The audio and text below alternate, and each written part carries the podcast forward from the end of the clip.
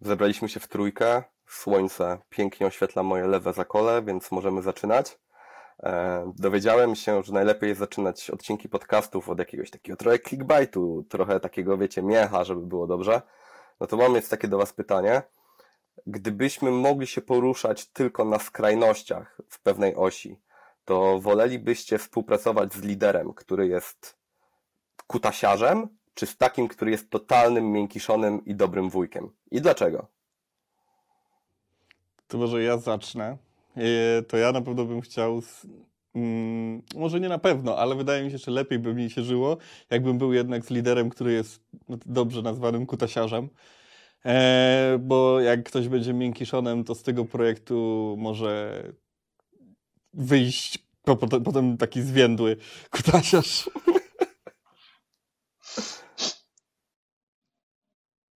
To jako fan doktora House'a wybieram zdecydowanie bramkę numer jeden. Eee, I też z doświadczenia wiem, że y, ta, ta miękka wersja, jeżeli jest też na ogół słaba, to też rodzi konflikty, więc jak już mam wybierać konflikty, to wolę przynajmniej dobry efekt z tego. A w dzisiejszym odcinku postaramy się znaleźć ten złoty środek i porozmawiamy trochę o tym, jak być liderem. Zapraszam do kolejnego odcinku Rubioner.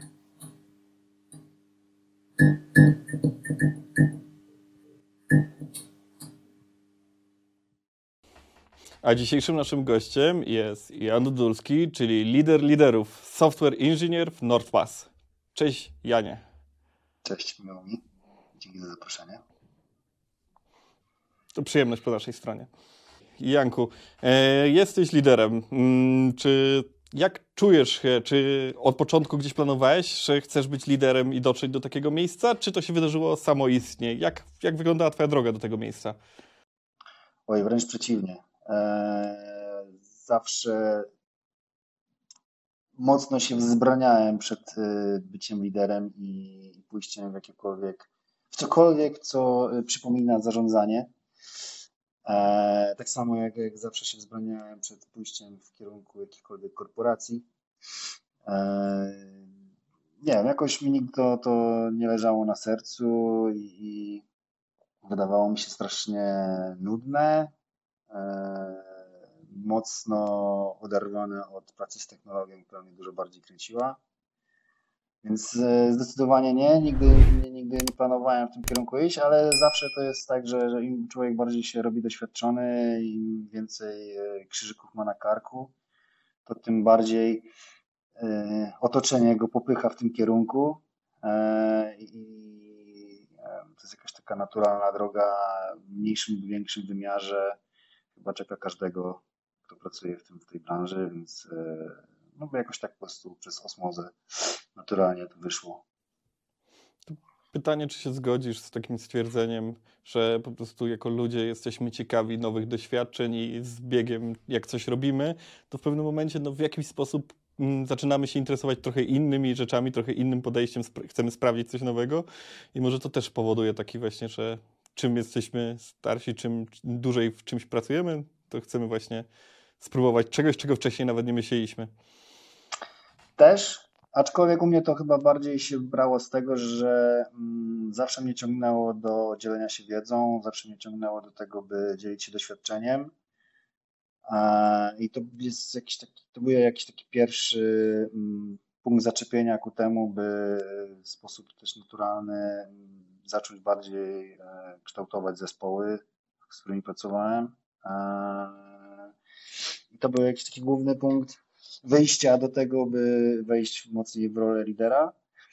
E, aczkolwiek no, gdzieś tam ciekawość e, też się pojawia. Niektórzy stwierdzają w pewnym momencie, że e, kodzenie ich zaczyna nudzić i zaczynają szukać jakichś innych bodźców, czy to e, przez właśnie liderowanie, zarządzanie, czy poprzez większe mm, wgryzanie się w analizę biznesu. Więc, więc ścieżki mogą być różne, ale no, u niektórych się pojawia ten moment, gdzie chciałbym spróbować czegoś innego, czy chciałabym. To, to zanim dopuszczę Waldka do słowa jeszcze, to chciałem cię zapytać, czy jakbyś miał możliwość, to zmieniłbyś coś diametralnie w swojej drodze w karierze? Uf, dobre pytanie. Um, staram się raczej myśleć, że jakby nie, nie żałować podejmowanych decyzji po drodze. E, być może bardziej bym się przyłożył na studiach do, do kierunków, do, do, do, do przedmiotów, które wtedy wydawały mi się nudne i zbędne, a dzisiaj zauważam, że jednak e, coś tam ciekawego wnosiły. E, być może byłbym bardziej otwarty na pewne rzeczy po drodze, ale też często mówię, że do pewnych rzeczy trzeba dorosnąć, do pewnych rzeczy trzeba mm, dojrzeć, trzeba przejść przez niektóre problemy i błędy, żeby zacząć dostrzegać jasną stronę tego, co, co się wydaje nudne albo zbędne, albo zbyt skomplikowane, więc e, też wydaje mi się, że nie ma specjalnie tutaj co filozofować na ten temat. Trochę żyjemy w takich czasach, że cały czas możemy się czegoś nowego douczyć, czego wcześniej nie mieliśmy okazji. Raczej ta wiedza jest cały czas dostępna, więc. Nawet wręcz do, do tego ekstremum, że tego jest tak dużo, że może przytłoczyć i nie wiadomo za co się chwytać. Kiedy doszło już do tego momentu, że stanąłeś przed wyborem, czy iść ścieżką, ścieżką liderską, czy, czy nie, to, to wyglądało to tak, że sam tego chciałeś, czy gdzieś środowisko i otoczenie wypychało cię poniekąd do tej roli? Mm, wydaje mi się, że to wyszło tak mocno naturalnie. E, zespół powoli rósł, nie, nie jakoś tam e, w ekstremalnych liczbach, tylko tak e, zdroworozsądkowo. Coraz bardziej widać było, że nowe osoby, juniorzy, czy, czy, czy osoby w ogóle wchodzące dopiero w świat IT, gdzieś tam się przebranżające na przykład, potrzebują większej pomocy osób bardziej doświadczonych i fajnie byłoby im e, wskazywać e, ścieżkę rozwoju, czy gdzieś tam tłumaczyć zawiłości firmowe. E, no i no to było tak naturalne, że no weźmy tych, tych najbardziej doświadczonych i niech oni im pomogą. Niektóre osoby zrezygnowały po czasie, stwierdziły, że jednak to nie ich bajka. Ja zostałem i jakieś tam, nie, ani mi to nie przeszkadzało, nawet miejscami e, było sympatyczne, więc e, jakoś tak naturalnie po prostu wyszło. E, na początku przywołaliśmy właśnie przykłady takiego dobrego wujka, który by cię zagłaskał na śmierć i, i takiego trochę gościa od przysposobienia obronnego, który non stop patrzy spod byka. A jak myślisz, jakie cechy charakterologiczne, które już masz w sobie, pozwoliły ci być dobrym liderem, a być może, jeżeli chcesz się z takich rzeczy odkryć, nad którymi warto jest popracować, na przykład na Twoim przykładzie? Czy dobrym liderem, to nie wiem, to zostawiam do oceny innym. Eee, przede wszystkim wydaje mi się, że trzeba mieć otwartą głowę i umieć się mm, próbować wcielić w, też w perspektywę jednej osoby. Eee, trzeba mieć świadomość, że to, co my wiemy, to niekoniecznie inni wiedzą i, i, trzeba zawsze sobie zostawiać tą furtkę, że być może trzeba gdzieś coś, o coś dopytać, upewnić się. Eee, trzeba, trzeba umieć słuchać. To jest bardzo ważna umiejętność. Eee, I chcieć słuchać. Eee, to są chyba takie podstawy. A dalej, no to dużo jakichś drobnych szczegółów. Dobrze, dobrze jest chcieć się o nich nauczyć dowiedzieć.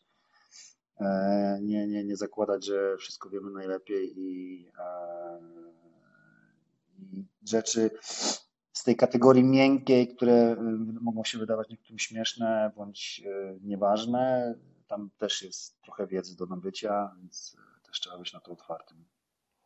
Kiedy, kiedy myślę o dobrym liderze, to, to chyba pierwszą z takich miękkich cech, jaka przychodzi do głowy, to to według mnie jest empatia, bo, bo to jest też rzecz, której mam wrażenie, że mi długo, długo brakowało e, i że dopiero z jakimś takim wiekiem się, się ją nabywa. E, no bo te sytuacje, które spotykają kolegów z pracy, ludzi, te wszystkie mm, takie rzeczy, które na pierwszy punkt, na pierwszy rzut oka mogą nie mieć wpływu, e, a jednak mocno rzutują na naszą wydajność w pracy, to czy z takich chociażby błahych rzeczy, to czy, mamy chorego psa na przykład, potrafi nas zdołować, rozkojarzyć, e, wydaje się, wydaje się być bardzo istotne. Czy robiłeś coś, żeby żeby jakby pracować nad swoją empatią, czy, czy też to była jakaś twoja cecha wrodzona, którą już miałeś i, i mogła być powodem, dla którego wszedłeś na ścieżkę liderską? Hmm, może to jest gdzieś też kwestia wychowania.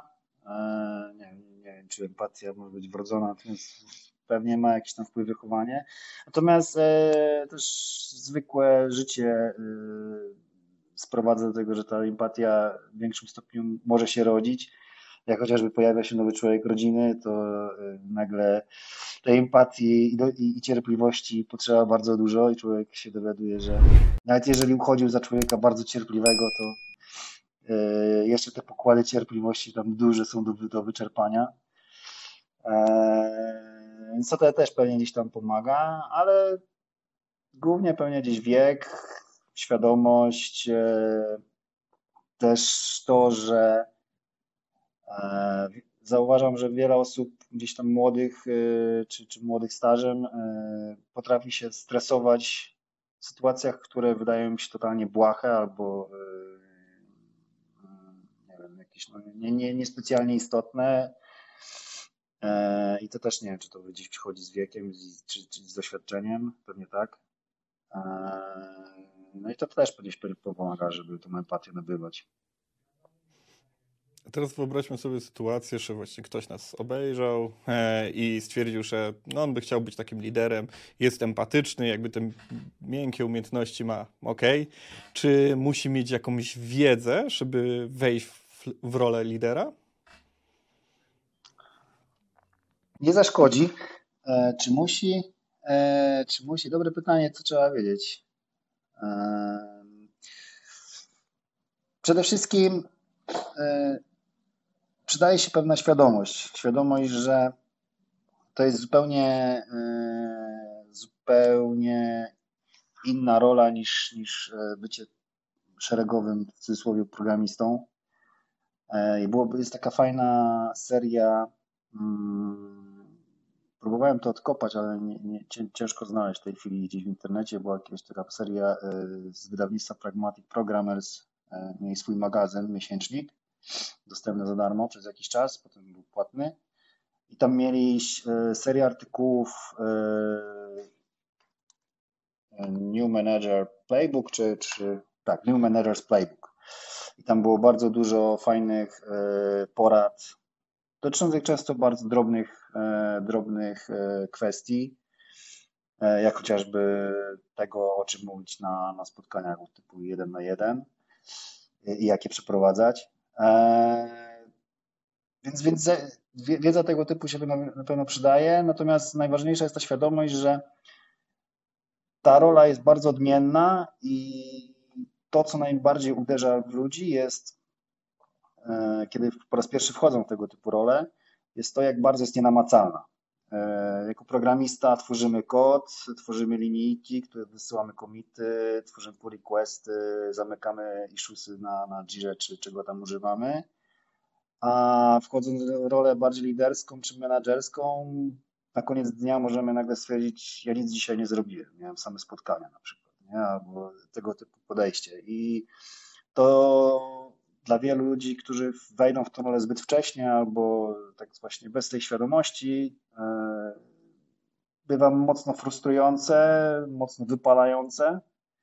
Bardzo często uciekają potem z takiej roli z powrotem do roli po prostu programisty, jak chcę tylko kodzić. E, więc gdzieś trzeba mieć świadomość, że, że to jest e, mocno nienamacalne i to, co robimy, i, i to jaki, jaki mamy impact, jaki mamy wpływ na, na środowisko i, i zespół. E, czasami ciężko jest do ocenienia. Więc to jest jakaś taka chyba główna rzecz, którą trzeba wiedzieć, zanim się w ogóle człowiek zdecyduje, żeby w to, w to wchodzić. No to w sumie mam też pytanie, jakby, mm, bo tak mówisz, że czasem wracaj z powrotem do, do roli programisty. Mm, dla mnie jest często, przy, bo zajmuję się różnymi rzeczami. Po pierwsze jestem full stackiem, ale i też nagrywam podcasty i tak nieraz mam takie poczucie, że w sumie jak i takie stare przysłowie, gdzie jak coś, ktoś jest od wszystkiego, to jest do niczego. I się zastanawiałem, czy takie odczucie też nie pojawia się w roli lidera, bo tak naprawdę jesteś no, po, poniekąd od wszystkiego, bo i musisz y, trochę znać się na programowaniu, no trochę, nawet mocno znać na programowaniu, żeby właśnie być wsparciem dla osób, które są trochę mniej jeszcze techniczni, e, ale też potrafić właśnie się dobrze komunikować i tak dalej. I czy nie ma też czasem czas takiego poczucia? To jest też jedna z porad, którą wyniosłem z tych artykułów, które wspomniałem, e, że trzeba sobie zdać sprawę, że mm, młodsi w pewnym momencie będą lepsi od ciebie w programowaniu. E, I trzeba się z tym pogodzić. Jakby, nie wiem, będą mieli lepszą, e, lepszą wiedzę na temat bibliotek, narzędzi, e, tego, co jest nowe. I to, I to jest w porządku, to jest normalne. Natomiast to, co my możemy dodać do tego wszystkiego, to jest całe nasze doświadczenie, szersza perspektywa, znajomość Mm,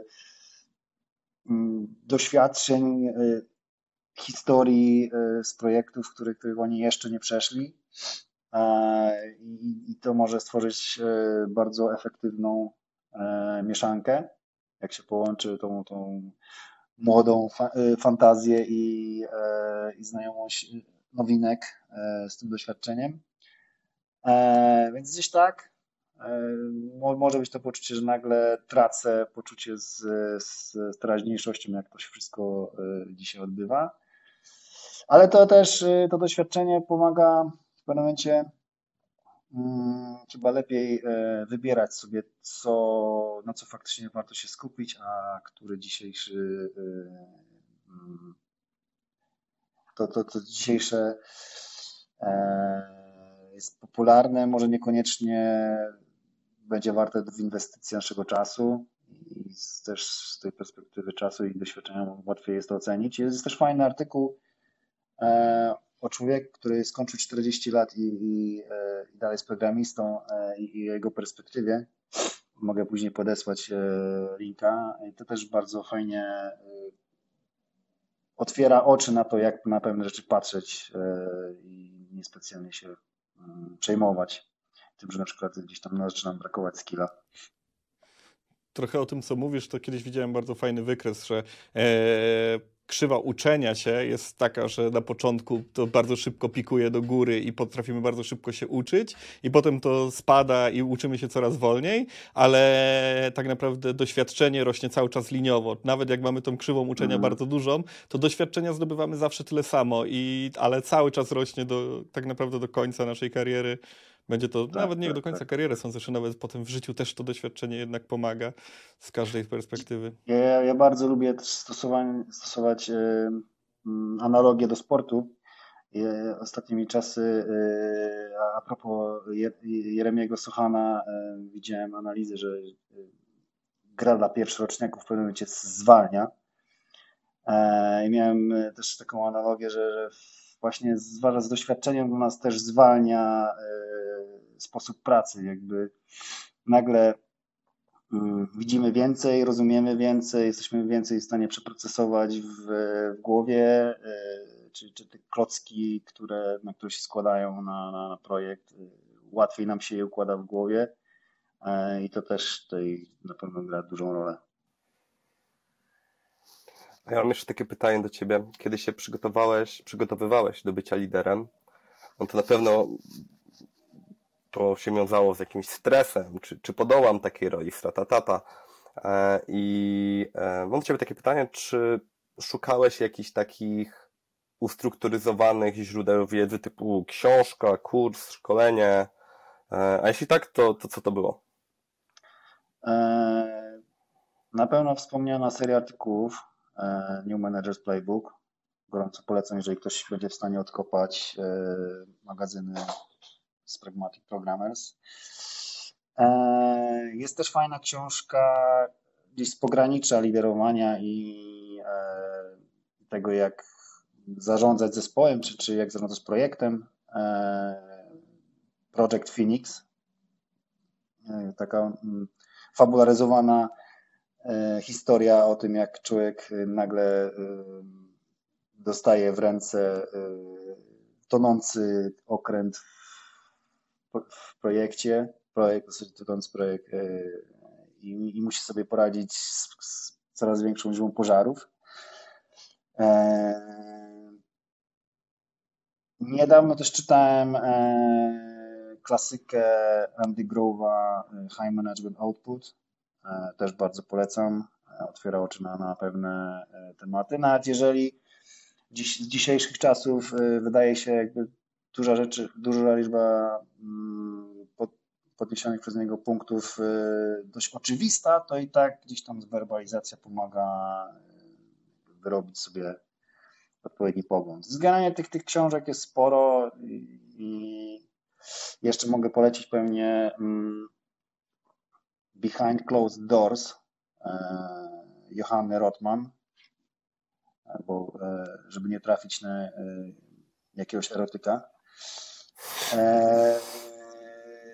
Też gdzieś, gdzieś z, z tematów dotyczących rozmawiania z ludźmi, przeprowadzania jakichś trudniejszych rozmów też pomaga. Kiedy wyobrażam sobie taki moment, że się zostaje liderem, to z jednych, jednym z takich problemów, które przychodzą mi do głowy jest to, że wczoraj byłem twoim kolegą z zespołu, a jutro jestem twoim liderem i że trzeba zbudować zaufanie pomiędzy osobami, z którymi byliśmy na takiej stricte koleżeńskiej ścieżce, E, do takiego stopnia, żeby one, mm, te osoby nam ufały też na takiej ścieżce profesjonalnej. E, mhm. Jak u Ciebie wyglądał ten, ten proces? Czy, czy miałeś Ale... jakieś problemy podczas tego? Ale lider dalej może być kolegą z zespołu. O, to już wiesz, tak zawsze.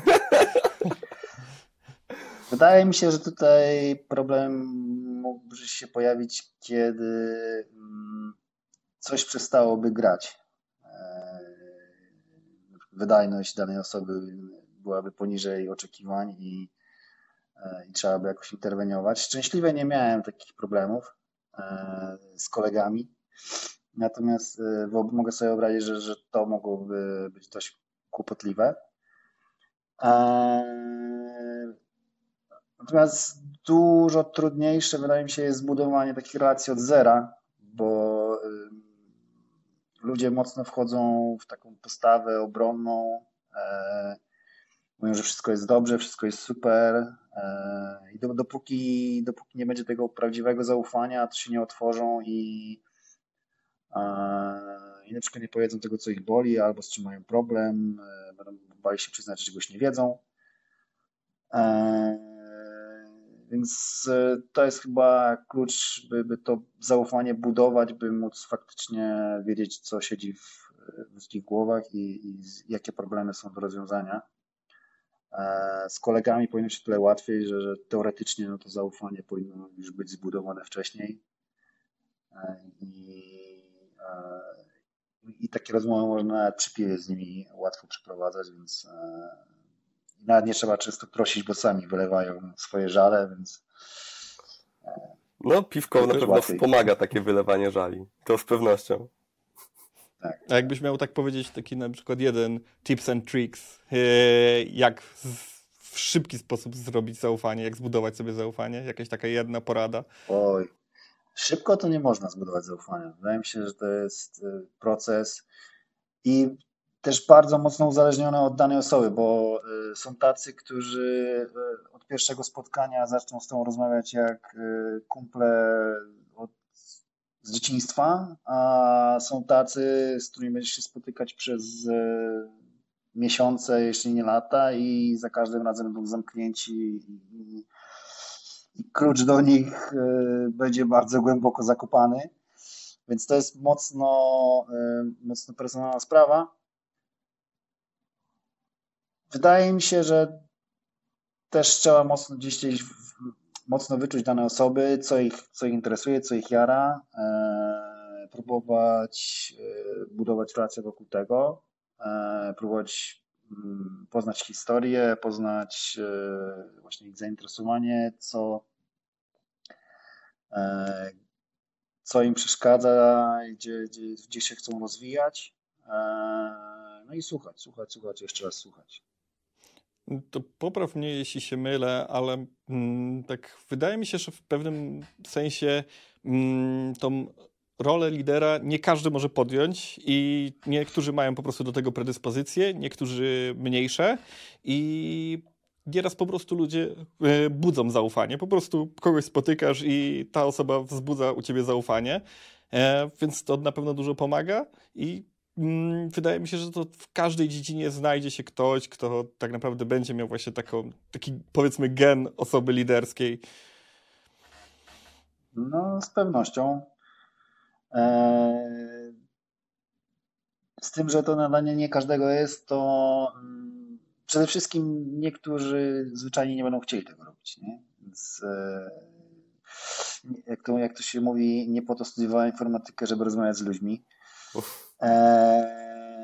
I, I, niektórzy mocno brną w to, i, nawet jeżeli mają predyspozycje, to być może mają po prostu takie nastawienie, że, że nie, nie, bo nie, eee, i nic na siłę. E, niektórzy mogą być też mocno, mm, mm, jak nazwać, spaczeni, mieć zwyczajnie złą rękę do tego, e, jakieś podejścia z, rodem z Januszy biznesu i, i pewnie też nikt nie chciałby z takim liderem pracować. E, a może im się wydaje, że są świetni i, e, i będą uparcie e, w tym kierunku szli. Mm.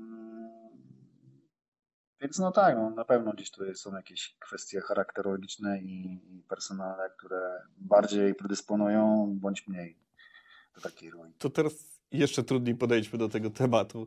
E, wyobraźmy sobie taką skrajną sytuację. Mamy osobę, która jest zupełnie nieśmiała, niepewna siebie, e, tak naprawdę ma wszystkie te cechy w zupełnym przeciwieństwie, ale jedno ma w głowie, że chce być liderem w przyszłości.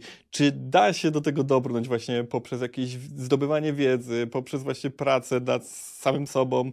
Czy jesteśmy w stanie to osiągnąć, czy jednak jesteśmy w pewnym momencie skazani na porażkę?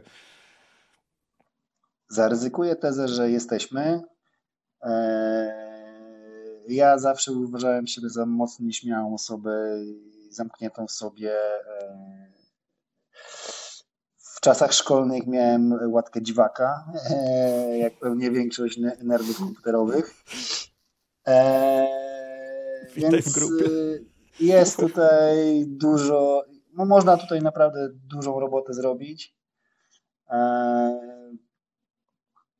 Jak to przejść, to, to jest pewnie każdy ma swoją ścieżkę. E, mi mocno, e, wydaje mi się, że mi mocno na przykład pomógł sport i e, gdzieś praca w zespole.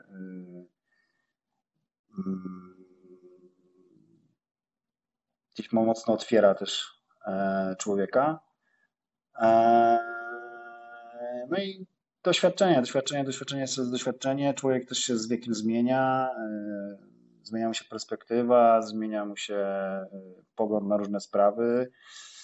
Kiedyś mi się wydawało, że e, właśnie za nic w świecie nie pójdę w rolę liderską, czy że mm, analiza biznesu jest totalnie nie dla mnie i nudna i w ogóle ja nie chcę tego robić. W najbliższy poniedziałek mamy y, u nas w Nordpasie y, y, warsztaty z Mariuszem Gilem z Event Stormingu i jaram się na to jak dziecko, więc człowiek się zmienia z wiekiem i zmienia mu się perspektywa, więc też się bardziej otwiera na pewne rzeczy, więc jak najbardziej można mocno się zmienić. Zgadzam się z Tobą, Janek, e, szczególnie w tym, że e, Ty lubisz analogie sportowe i uważasz, że jakby sport też Cię w jakiś sposób ukształtował. Ja się z tym bardzo zgadzam. Takie doświadczenie szatni e, sportowej jest według mnie bardzo, bardzo wzbogacające. Zdecydowanie. I domyślam się, że skoro przywołałeś przykład Jeremiego Sochana, to że interesujesz się koszykówką. E, Też. Ja jestem gdzieś po drugiej stronie y, barykady, interesuję się bardzo piłką nożną y, i na przykład w polskiej kadrze teraz mamy sytuację, w której kapitanem drużyny jest najlepszy piłkarz, ale w takiej obiegowej opinii nie posiada on tych charakterologicznych cech, które pozwalałyby mu być kapitanem, czyli właśnie nie ma tego pogłosu w szatni, nie jest tym e, motywującą postacią, tą, tą, która tam w szatni krzyknie, huknie, ale też tam doradzi. E, I tutaj przychodzi właśnie na myśl y, takie stwierdzenie, że nie zawsze ten 11 najlepszych piłkarzy stworzy najlepszą drużynę. I pewnie analogicznie jest też z byciem liderem, że nie zawsze ten najlepszy piłkarz będzie, będzie naj, najlepszym liderem. A czy tak samo jest z programistami? Czy Jest, żeby jest, być liderem? popularne, jest takie popularne stwierdzenie, że y, tworzymy, że zamieniamy najlepszych programistów na najgorszych menadżerów, e, wkładając ich w tę rolę. E, Jak najbardziej. To te, te też wydaje mi się jest y, jakimś powodem tego, że wiele osób, które wchodzi zbyt wcześnie albo zbyt gwałtownie w, e, w rolę jakąkolwiek liderską, czy to będzie coś bardziej odpowiedzialnego, czy, czy, y, czy zwykły w cudzysłowie team leader. E, I potem uciekają po pół roku, roku, czy trochę dłuższym czasie do, z powrotem do roli tylko programisty. E, I takich historii pewnie każdy z nas zna całe mnóstwo. E, To jest to jakiś przykład tego, że no, najlepszy piłkarz czy najlepszy programista nie, niekoniecznie powinien wchodzić w taką rolę, a na pewno nie zbyt wcześnie, be- bez odpowiedniego rozeznania gruntu. To tak jak Waldek zadał na początku pytanie o to, czy o tych skrajne, e, skrajnych liderów, to i inne pytanie też mi się nasunęło. Czy kogo byś wybrał? Czy takiego lidera, który jest dobrym liderem, a, ale jest bardzo kiepski technologicznie, czy osobę, która jest dobra technologicznie, ale mm, kiepskim liderem, jako lidera swojego zespołu, w którym miałbyś pracować? To by pewnie zależało od zakresu obowiązków.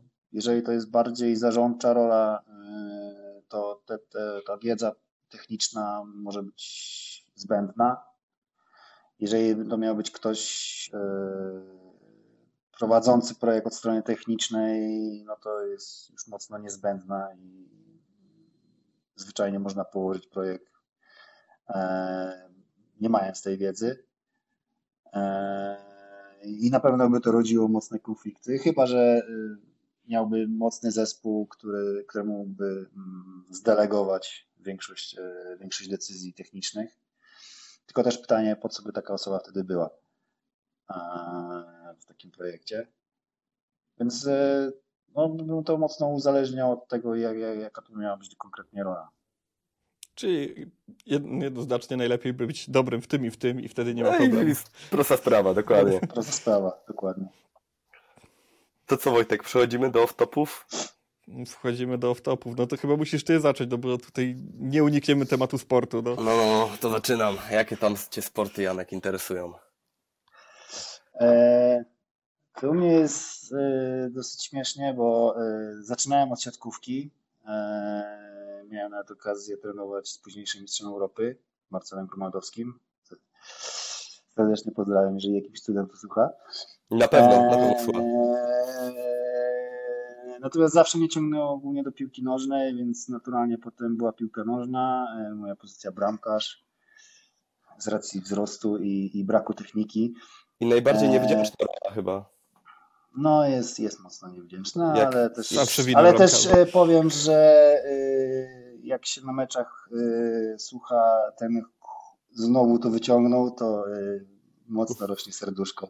Eee, Eee, a potem e, głównie przez e, e, kibicowskie klimaty, bo oj- ojciec zabrał na jakiś na mecz Polski do hali stulecia we Wrocławiu.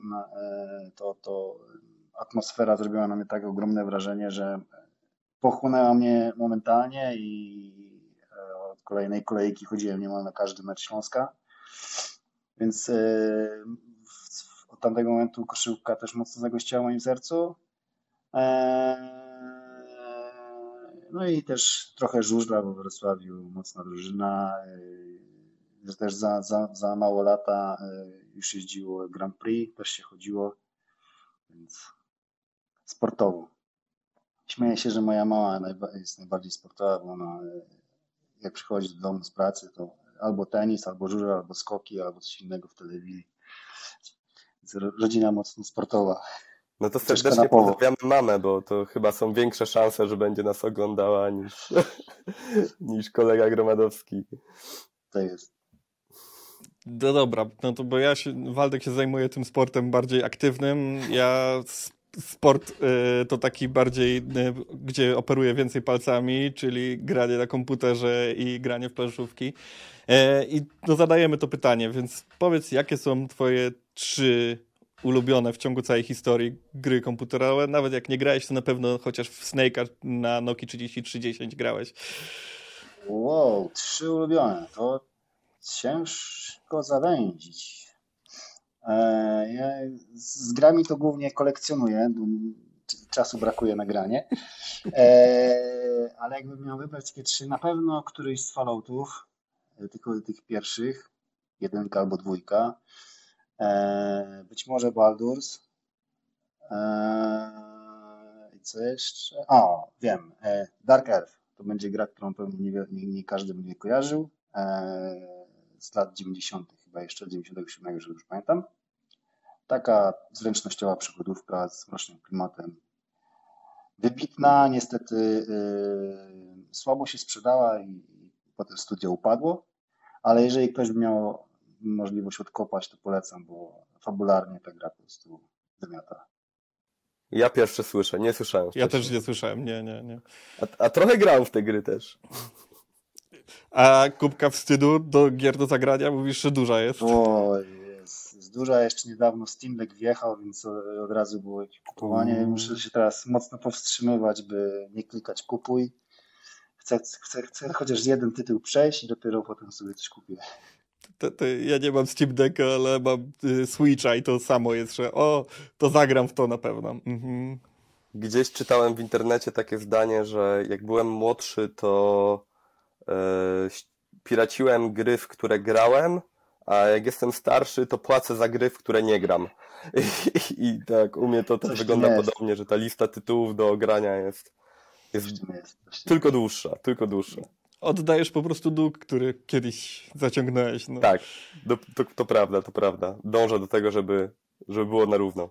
A to mam do Was pytanie, czy macie też tak, że mm, wraz ze wzrostem właśnie tego, jak pracowaliście w IT, mm, bardziej właśnie Was bolało to, że jakbyście mieli właśnie spiracić grę, bo wiedzieliście, ile to też trudu i ile te firmy muszą właśnie zarobić, żeby gdzieś tam się zwróciło to wszystko, ile to tak naprawdę taka gra to nie jest tam pół godziny i mamy gotowe GTA 4 czy tam 5, tylko to jednak są lata ciężkiej pracy i trochę wam głupio było już bardziej piracić te gry?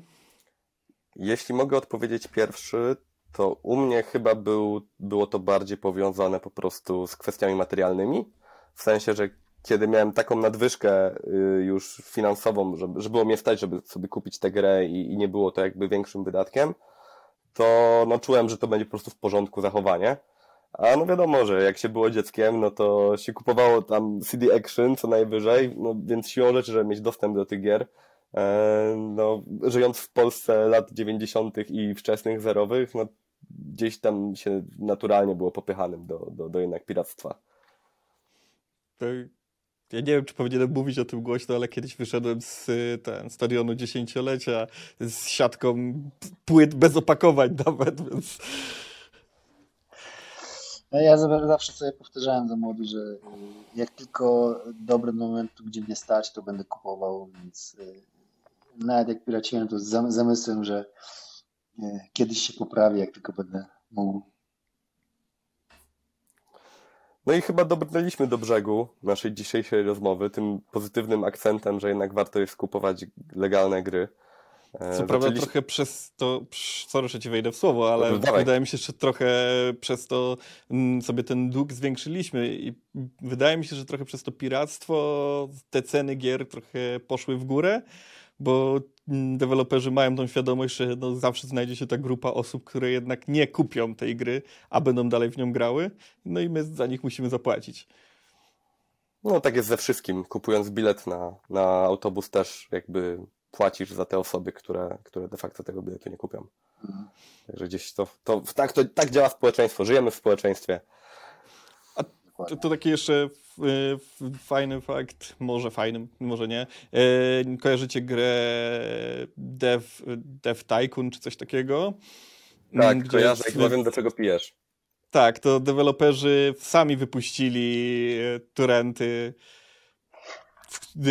ze swoją grą, tylko trochę zmodyfikowaną i bardzo ciężko było tam osiągnąć dobry wynik, bo w pewnym momencie ludzie zaczęli hakować twoje gry e, w grze i nie mogłeś sprzedawać i twoja firma padała, bo nie sprzedawałeś gier.